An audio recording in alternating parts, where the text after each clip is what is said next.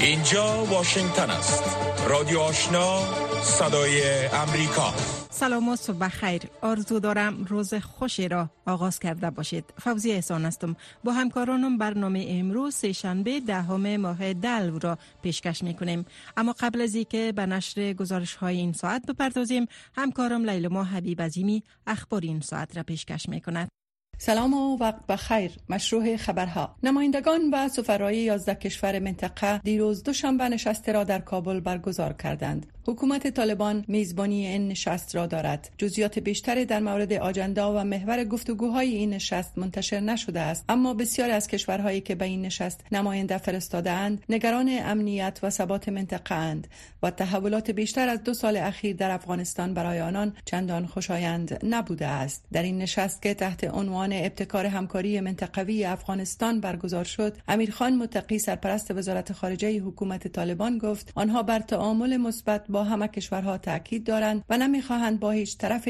تقابل یا درگیری داشته باشند بلکه در عوض آمادهاند تا درباره نگرانی های موجود با همه طرف های بین المللی بحث کنند متقی این اظهارات را در حال بیان کرد که همسایه های افغانستان از جمله ایران و پاکستان و کشورهای منطقه بارها نگرانی خود را از وضعیت جاری در افغانستان فعالیت و استقرار گروه های تروریستی در این کشور ابراز کردهاند. وزارت صحت حکومت طالبان دیروز دوشنبه 29 ماه جنوری از راه اندازی کمپاین فرعی واکسین پولیو یا فلج کودکان در چندین ولایت افغانستان خبر داده است. خبرگزاری باختر در کنترل طالبان به نقل از این وزارت گزارش داده است که این کمپاین از 29 ماه جنوری در 21 ولایت افغانستان آغاز شده و تا اول ماه فبروری ادامه خواهد داشت. مشروع خبرهای منطقه و جهان را از رادیو آشنا صدای امریکا دنبال می کنید. قوه قضاییه ایران دیروز دوشنبه 29 جنوری گفت حکومت آن کشور چهار مرد را در طلوع روز دوشنبه به وقت محل به خاطر جاسوسی برای اسرائیل اعدام کرد. جزیات بیشتر از همکارم فوزیه احسان می شنوید. وبسایت میزان خبرگزاری قوه قضایی ایران گزارش داده است که حکم اعدام چهار نفر از اعضای یک گروه به گفته قوه قضایی ایران وابسته به سازمان جاسوسی رژیم صهیونیستی که به دلیل برنامه‌ریزی برای انجام عملیات بمبگذاری در اصفهان دستگیر شده بودند صبح امروز اجرا شد. در گزارش قوه قضایی ایران آمده است که این افراد از اعضای گروهک تروریستی کومله و ساکن اقلیم کردستان بودند که حدود یک سال و نیم قبل از عملیات توسط یکی از اعضای ارشد گروهک کومله انتخاب و جذب سرویس موساد شده بودند.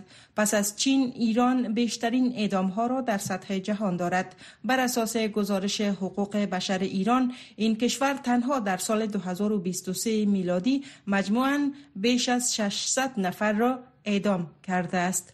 در ادامه خبرها ایران و پاکستان در صدد گسترش همکاری های امنیتی اند. پاکستان و ایران دیروز دوشنبه 29 جنوری گفتند به حاکمیت و تمامیت ارزی همدیگر احترام داشته و همکاری امنیتی میان دو کشور را گسترش خواهند داد. جلیل عباس جیلانی سرپرست وزارت خارجه پاکستان در یک نشست خبری مشترک با حسین امیر عبداللهیان وزیر امور خارجه ایران گفت تهران و اسلام آباد با همدیگر مجراهای قوی اطلاعاتی دارند. جیلانی گفت با استفاده از این مجراها ما توانستیم تمامی معضلات یا سوء تفاهمات را که میان دو کشور به میان آمده بود و گونه نسبتا سریع حل کنیم. ایران و پاکستان همچنان بر مبارزه با تروریسم و ایجاد یک سیستم مشورتی به سطح وزارت خارجه برای نظارت از پیشرفتها در این خصوص توافق کردند. پلیس پاکستان ده تن از حامیان امران خان را در جریان تجمعات انتخاباتی بازداشت کرد. با وجود سرکوب های دوامدار حکومت ده هزار نفر از حامیان امران خان صدر اعظم پیشین پاکستان 28 ماه جنوری در سرتاسر آن کشور دست به تظاهرات زدند. این معترضان بار دیگر تعهد سپردند تا در انتخابات 8 ماه فوریه بر نامزدهای مورد نظر امران خان رأی دهند. امران خان 71 ساله نامزدهای انتخاباتی حزب تحریک انصاف پاکستان خود را ترغیب کرده تا راهپیمایی ها را برای بسیج رأی دهندگان در انتخابات ملی و ایالتی سازماندهی کنند.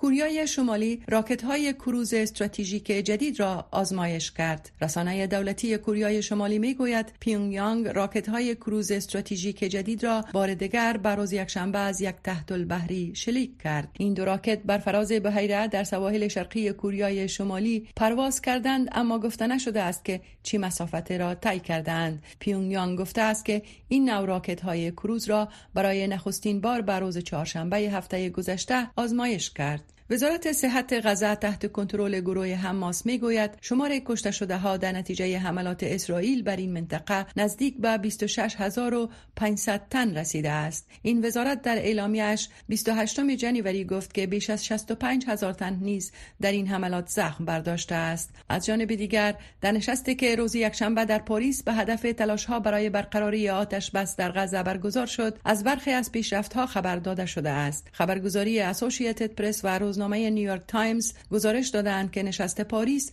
روی طرح برقراری آتش بس دو ماهه در بدل رهایی گروگانان از نزد گروه حماس تمرکز می کند. اردوی اسرائیل می گوید که نیروهای آنها روز گذشته جنگ شدیدی را در جنوب غزه انجام دادند. این در حال است که رئیس اداره مرکزی استخبارات امریکا CIA روز گذشته با مقامات اسرائیل، مصر و قطر درباره آتش بس احتمالی گفتگو کرد. نمایندگی ایران در سازمان ملل متحد در بیانیه دیروز دوشنبه گفت تهران در حمله که سه سرباز امریکایی در اردن کشته شدند دست نداشت. با گزارش رویترز این بیانیه را ارنا خبرگزاری دولتی ایران منتشر کرده است. با دنبال کشته شدن سه سرباز امریکایی در شمال شرق اردن در نزدیک مرز سوریه جو بایدن رئیس جمهوری ایالات متحده بر روز یکشنبه گفت می‌دانند که این حمله توسط گروه های جنگجوی تحت حمایت ایران که در سوریه و عراق فعالیت می کند صورت گرفته است. فرماندهی مرکزی ایالات متحده سنت کام شام یکشنبه گفت در این حمله دست کم 34 نیروی دیگر زخم برداشته است.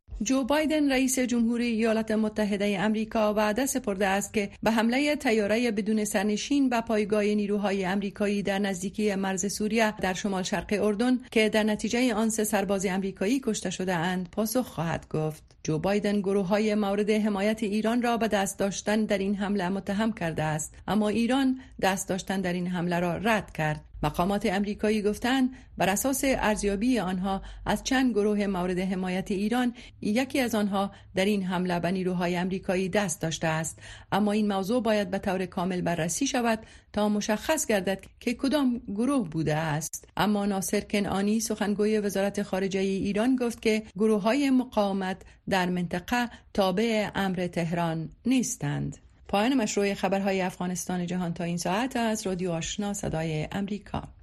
شنونده های گرامی خبرهای افغانستان منطقه و جهان را از رادیو آشنا صدای امریکا شنیدید. اکنون می‌پردازیم به نشر گزارش های این ساعت.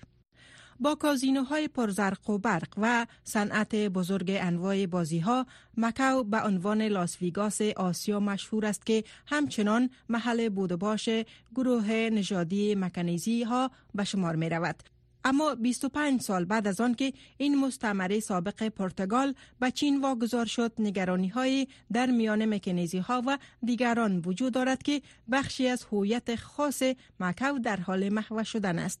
گزارش صدای امریکا در این مورد را از من فوزیه احسان مشنوید ایده رستورانتی است که چگونگی پخت و پز و غذاهای سنتی را از نسل به نسلهای دیگر انتقال داده است. این رستوران جایی است که برخی غذاهای مکوی مختلط خانگی پرتغالی و چینایی که به مکنیزی مشهور است در آن صرف می شود ایوندی جیسیس بنیانگذار این رستوران می گوید چیزی که در مورد میکنزی ها خاص است این است که آنها همواره با چند لسان محدود صحبت می کنند پرتغالی و مکنزی و مانند مادر کلان من که یکی از پینجا فردی است که به لسان پاتوا صحبت می کند که در حقیقت از محو شدن آن جلوگیری می کند این لسانی است که از پرتغالی مشتق شده اما با برخی از لحجه های چینایی و لحجه های محلی آن مختلط شده است. مکنیزی ها می‌گویند هویتشان منحصر به فرد است. از لسانی که صحبت می کنند کانتونیز، پرتغالی و انگلیسی تا مواد اصلی غذاهای آنان و ترکیب کازینه های پرتغالی و چینایی. اما نفوس مکنیزی و پرتغالی که کمتر از دو درصد نفوذ 680 هزاری مکوی را تشکیل می دهد فرهنگ خاص خود را در خطر می بیند. حکومت به پرتغالی هایی که می خواهند در مکوی زندگی و کار کنند حق اولویت نمی دهد. اگر مصروف کار شوند برایشان اجازه کار مقد داده می شود کارت هویت وقت برایشان داده می شود که مهارت خاصی بلد باشند و یا اعضای فامیلشان در مکوی باشد ما می‌خواهیم نسل های بعدی ما به هویت ما افتخار کنند. ما نمی‌خواهیم آنها فرهنگ خود را از دست دهند و ندانند که در 20 سی یا 50 سال چگونه بوده است و قبل از آن چگونه بوده است. دلفیم چاسیم از نسل چهارم خانواده مکنیزی در این مورد این بدان مناست که فرهنگ پرتغالی برای نسل بعدی ضعیف خواهد شد. تمام چیزی را که ما می بینیم معماری هایی است که پرتغالی ها ساختند اما آنان تمام داستان را نخواهند فهمید. این تفاوت با سایر ولایت های چین نخواهد داشت. حکومت گفته است با حفظ معماری های محلات مستمره به میراث فرهنگی مکوی ها اهمیت قائل است. مسئولین حکومتی گفتند برای مکاتبی که لسان پرتغالی را تدریس می کنند و همچنان برای احیای مناطق قدیمی بودیجه تامین می کنند رادیو آشنا صدای امریکا منبع موثق خبرها و گزارش های جهان و افغانستان. حمله مرگبار هفتم اکتبر حماس اسرائیلی ها را از کیبوتسشان در سرحد با غزه بیرون راند و سبب شد تا کارگران فلسطینی مصروف کار در اسرائیل جای برای رفتن نداشته باشند. سالیا مندوزا خبرنگار صدای امریکا از بیت المقدس شرقی زندگی دو مردی را که به دلیل این درگیری آواره شدند در گزارش بازگو می کنند که شرح آن را از عبدالواجد عادل مشنوید چند در پیشروی خانه رامی گولد هفتاد ساله اسکر سابق اردوی اسرائیل در کیبوتس بیری از بازدید کنندگان محل استقبال می کند او پس از عجله برای استفاده از تجربیات نظامی خود برای دفاع محلش از حملات حماس در هفتم اکتبر جان سالم به در برد. رامی گولد از کیبوتس بیری می گوید هر پنجره را که اینجا می‌بینین همه پنجرهای پناهگاه بم و می‌تونین دود ببینین که از اونجا بیرون میشه. امنیت کیبوتس در هم شکسته شد و تخلیه آغاز شد. با گفته وزارت دفاع اسرائیل تقریبا 125 هزار غیر نظامی اسرائیلی در برنامه ملی تخلیه شرکت می کنند که حدود 50 هزار نفر از شمال اسرائیل و بقیه از جنوب هستند. باز هم رامی گولد بازمانده قربانیان کیبوتس بیری می گوید به داخل هتل میریم و مردم به دیگه نگاه می‌کنن و چیزی برای گفتن ندارن بنابراین اونا یکدیگر را آغوش می‌گیرن فکر کنین بیش از هزار نفر همدیگر را آغوش گرفتن و چیزی نمیگن. هیچ خانواده دی کیبوتس وجود نداره که به یک طریق آسیب ندیده باشه. حملات حماس همچنین زندگی باشندگان غزه را که در اسرائیل کار می‌کردند نیز برهم زد. حکومت اسرائیل به آنها تا سال 2023 بیش از 18 هزار جواز کار صادر کرده بود. معتز که خواست نام خانوادگی خود را فاش نکند از غزه است. که یکی از این جوازها را دریافت کرده است. او که یک باشنده غزه و آواره کرانه غربی است می‌گوید که در روز اول تعدادی از آنها دستگیر و بسیاری به رام الله برده شدند. او ترسیده بود و خانوادهش در غزه ماندند. به گفته وی او نمی‌داند چی باید بکند. و او شغل نمیشه لمن صارت الحرب 7 اکتبر زمانی که جنگ در هفتم اکتبر و در روز اول آغاز شد بخش از ما دستگیر شدیم و بسیاری از مردا به ایجا به رامولا آورده شدن من یکی از اون هستم و چون میترسیم خانواده ما را در غزه ماندن و نمی‌دانیم چی کنیم ما فقط اینجا میمانیم. بر اساس گزارش سازمان ملل متحد از هفتم اکتبر 85 درصد از جمعیت در داخل کشور غزه آواره شدند. یعنی حدود 1.9 میلیون نفر. همسر و فرزندان معتز چل ساله که از واسط سپتامبر زمانی که او برای کار در اسرائیل برای ساخت پناهگاه های بمگذاری می رفت دیده نشده بود. فرصت برایش که او آن را گرامی داشت. معتز می گوید همه چیز خوب بود. نشتغل و نحصل فلوس و نبعت امورنا منیحه كانت. ما کار می‌کردم و پول کمایی می‌کردم همه چیز خوب بود بیش از سه ماه بعد با ادامه عملیات نظامی در غزه بازگشت به خانه برای هر مرد بسیار متفاوت به نظر می رسد. معتز کارگر آواره غزه دعا می کند. والله يرحمهم الواحد بيشتاق لعيلته انه يحضن عيلته. دلم بر خانوادیم دا آغوش گرفتن اونا و بودن به اونا تنگ است. اما برای رامی گولد اولین قدم بازگشت به کیبوتس بود. Uh, آن روز وحشتناک همچنین فرصتی برای انجام کار بهتر است این روندی است که ادامه دارد زیرا بازسازی باید در هر دو طرف درگیری انجام شود.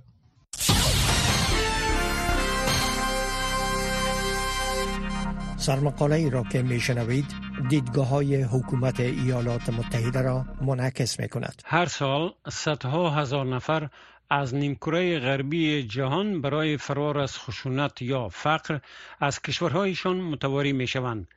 آنان مسافت درازی را برای یافتن محل جدید سکونت تازه طی می کنند و مکررن تحت شرایط نامساعد قرار گرفته و از مناطق خطرناک عبور می کنند. در این مسیر صدها نفر از آنها می میرند. به همین دلیل حکومت بایدن در ماه جون سال 2022 به 21 رهبر دیگر پیوست و اعلامیه لس آنجلس در مورد مهاجرین و حفاظت را امضا کرد.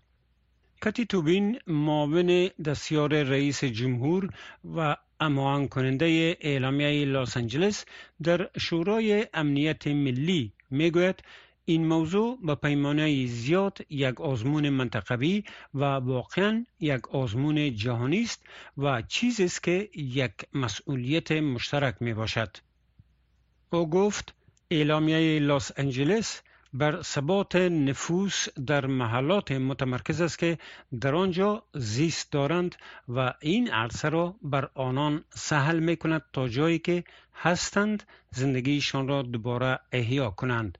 راه های قانونی را در سر تا سر منطقه گسترش می دهد تا نه تنها در ایالات متحده بلکه در جاهایی که زیست دارند با خانواده های خود یک جا شوند کار پیدا کنند و حفاظت را از سراسر نیمکره غربی در جستجوی حفاظت باشند و در نهایت به گونه جمعی و انسانی سرحدات خود را مدیریت کنیم.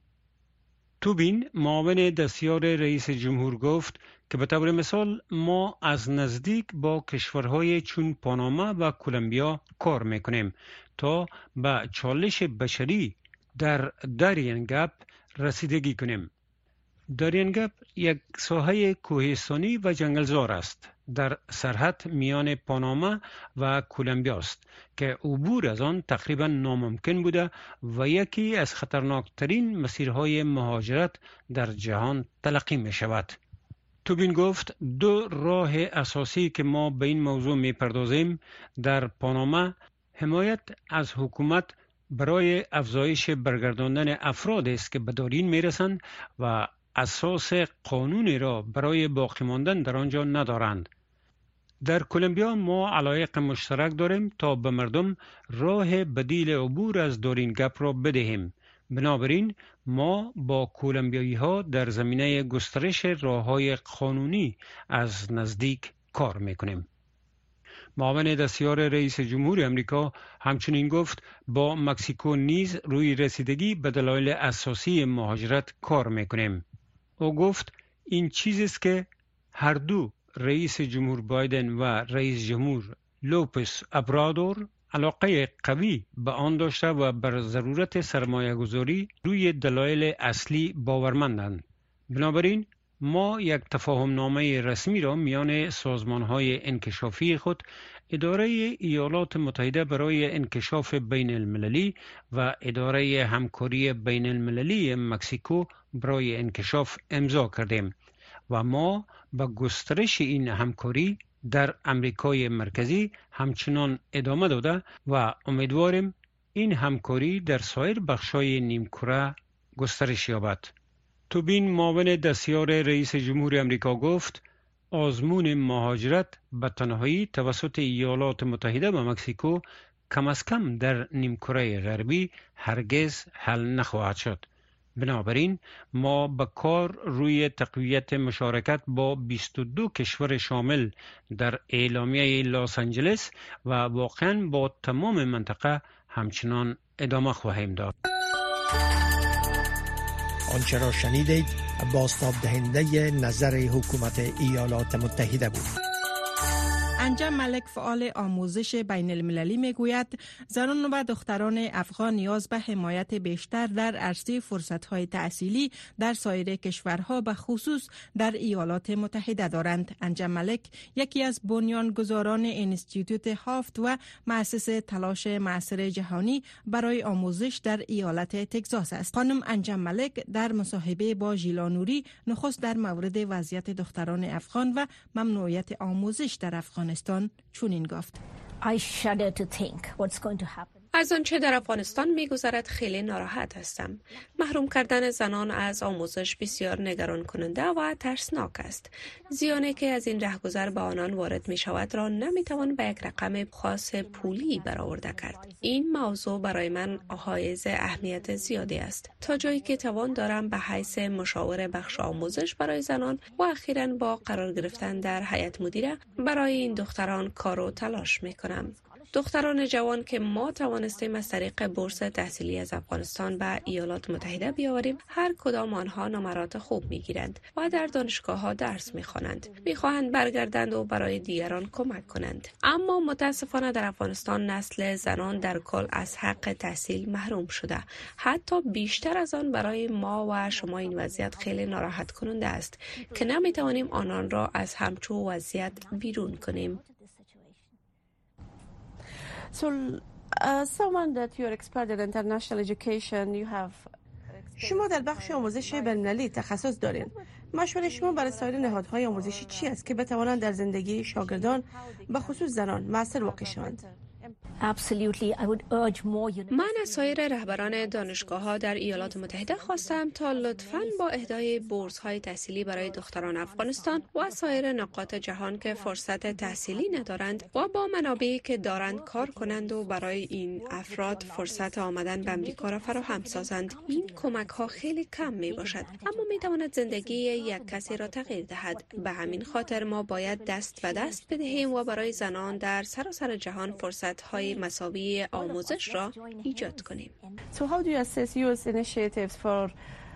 تلاش های ایالات متحده را برای کمک به زنان مهاجر افغان در قسمت تحصیل چطور ارزیابی می‌کنید؟ برخی دختران مشتاق شمولیت در مراکز تحصیلی امریکایی هستند. آیا آنها را کمک می‌کنید؟ اندازه کار که برای تحصیل دختران شده است بسیار مفید و بامنی است و تاثیر خود را دارد. اما هنوز کار زیاد باقی مانده است و باید روی آن کار کرد. رقم کسانی که نیاز به کمک دارند زیاد است و اندازه کمک برای آنها در حد اقل است. به همین خاطر این تلاش باید بیشتر شود. برنامه های آموزشی که شما دارین در زندگی شاگردان چه تفاوت را ایجاد می کند؟ شما برنامه های برای افغان هایی که در ایالات متحده هستند دارین؟ البته که داریم. همکنون چند برنامه را پیش می‌بریم. یکی از آنها حمایت اکادمیک و برنامه های مشورتی برای فرزندان مهاجرین که اکثریت آنها با آمدن در ایالات متحده نیاز به راهنمایی و معلم دارند و از طریق زوم هفته چهار روز با آنها کار می‌کنیم و برایشان در قسمت دروس مکتب کمک می‌شویم. و در این حال آنها را با سیستم مکاتب امریکایی بلد می‌سازیم و برایشان سیستم را معرفی می‌کنیم. به خاطر که والدینشان این تجربه و مهارت را ندارند. گزارش های اخیر سازمان ملل متحد در مورد افزایش مدرسه ها در افغانستان حتما دیدین. به نظر شما مدرسه ها سیستم آموزشی درست میاری برای شاگردان بوده می‌تونه؟ متاسفانه آنچه که من دیدم این سیستم تدریس بیشتر یک ایدئولوژی افراطی را انکشاف می دهد و کار اصلی یا دروس مکتب در حاشیه قرار می گیرد در همچو وضعیت افرادگرایی مسلط می شود که با افغانستان و فرهنگ آنان ناشنا است. می‌دانم که اکثر خانواده ها می خواهند فرزندانشان درس بخوانند اما بسیاری از شاگردان حالا در این سیستم درسی گیر ماندند و راه بیرون رفت برای آنها باقی نمی ماند و جای تاسف است که این وضعیت ادامه دارد برای شما سیستم آموزش مدرسه های مکاتب دینی می تواند که جاگزین خوب یک سیستم آموزشی شود؟ معتقد نیستم که مکاتب دینی بتواند گزینه بدیل سیستم آموزشی در افغانستان باشد. اما کاش آنها برخی از مزامین دیگر را یا روش های دیگر آموزش را یا حتی آموزش تجربوی را شامل این پروسه می کردند. رادیو آشنا صدای امریکا. پنج تا هفت صبح و هفت شام تا ده شب.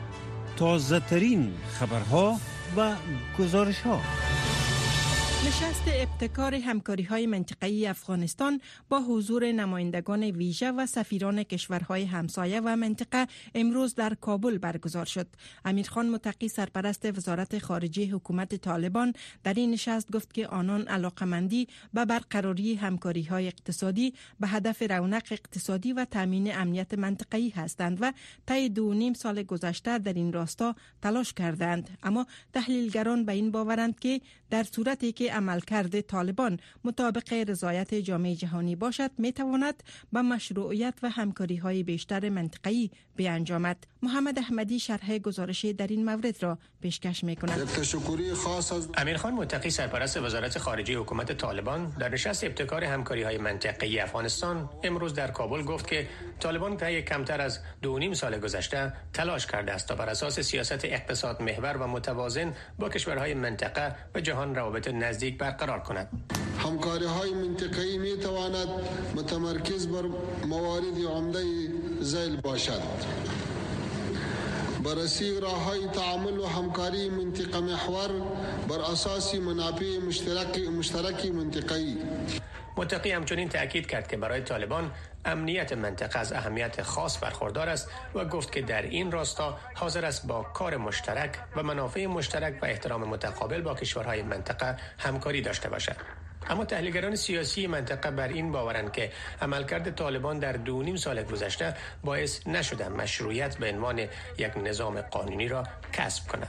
علیرضا نوریزاده مسئول مرکز مطالعات ایران و عرب در لندن بر این باور است که اگر طالبان عملکرد خود را مطابق رضایت جامعه جهانی تغییر ندهند سرنوشت حکومت این گروه نیز تغییری نخواهد کرد. کشورهای آسیای میانه تلاش کردن با طالبان کنار بیان. چون حوصله دردسر ندارن. ولی اسلام سیاسی طالبان مثل اسلام انقلابی محمدی خامنه ای اسلامی نیست که در یه جا متوقف بشه. این در حال پرواز و بنابراین چه جور میشه طالبان رو مهار زد؟ کار مشکلی است که گمان نمی کنم در کنفرانس فردا هم به جای برسه این نشست در سایه روابط تیره با پاکستان که حامی عمده طالبان قلمداد می شود برگزار گردیده است. سید ارفان اشرف خبرنگار و نویسنده پاکستانی مقیم پشاور می‌گوید که از این نشست دستاورد عمده ای را نمی‌توان در انتظار داشت. زیرا به گفته او پاکستان با ارسال یک نماینده در سطح پایین این نشست را کم اهمیت جلوه می دهد. کنون من فکر می کنم طالبان می فهمند که آنها با پاکستان به عنوان یک حامی عمده نیاز دارند. و پاکستان نیز می فهمد که نظامیان پاکستان به طالبان در کابل نیاز دارند. بنابراین این تلفیقی از یک نوع امور مسلحتی است. در غیر آن مشکلات و موانع در روابط بین دو کشور وجود دارد. به این ترتیب پاکستان تلاش می کند مردم خود را درک کند که قرار گرفتن پاکستان در کنار افغانستان امری خوبی نیست و به این دلیل هیئت بلند رتبه را نمیفرستد. داوود قیبی پژوهشگر مسائل امنیت و صلح در دانشگاه لرنشن کانادا بر این باور است که تعامل طالبان با خواسته های مشخص کشورهای منطقه می تواند در جهت پیشرفت روند کسب مشروعیت حکومت آن گروه مؤثر باشد. اما او یادآور می شود که این نشست فقط یک آغاز برای نشست های بعدی در سطح بین المللی است.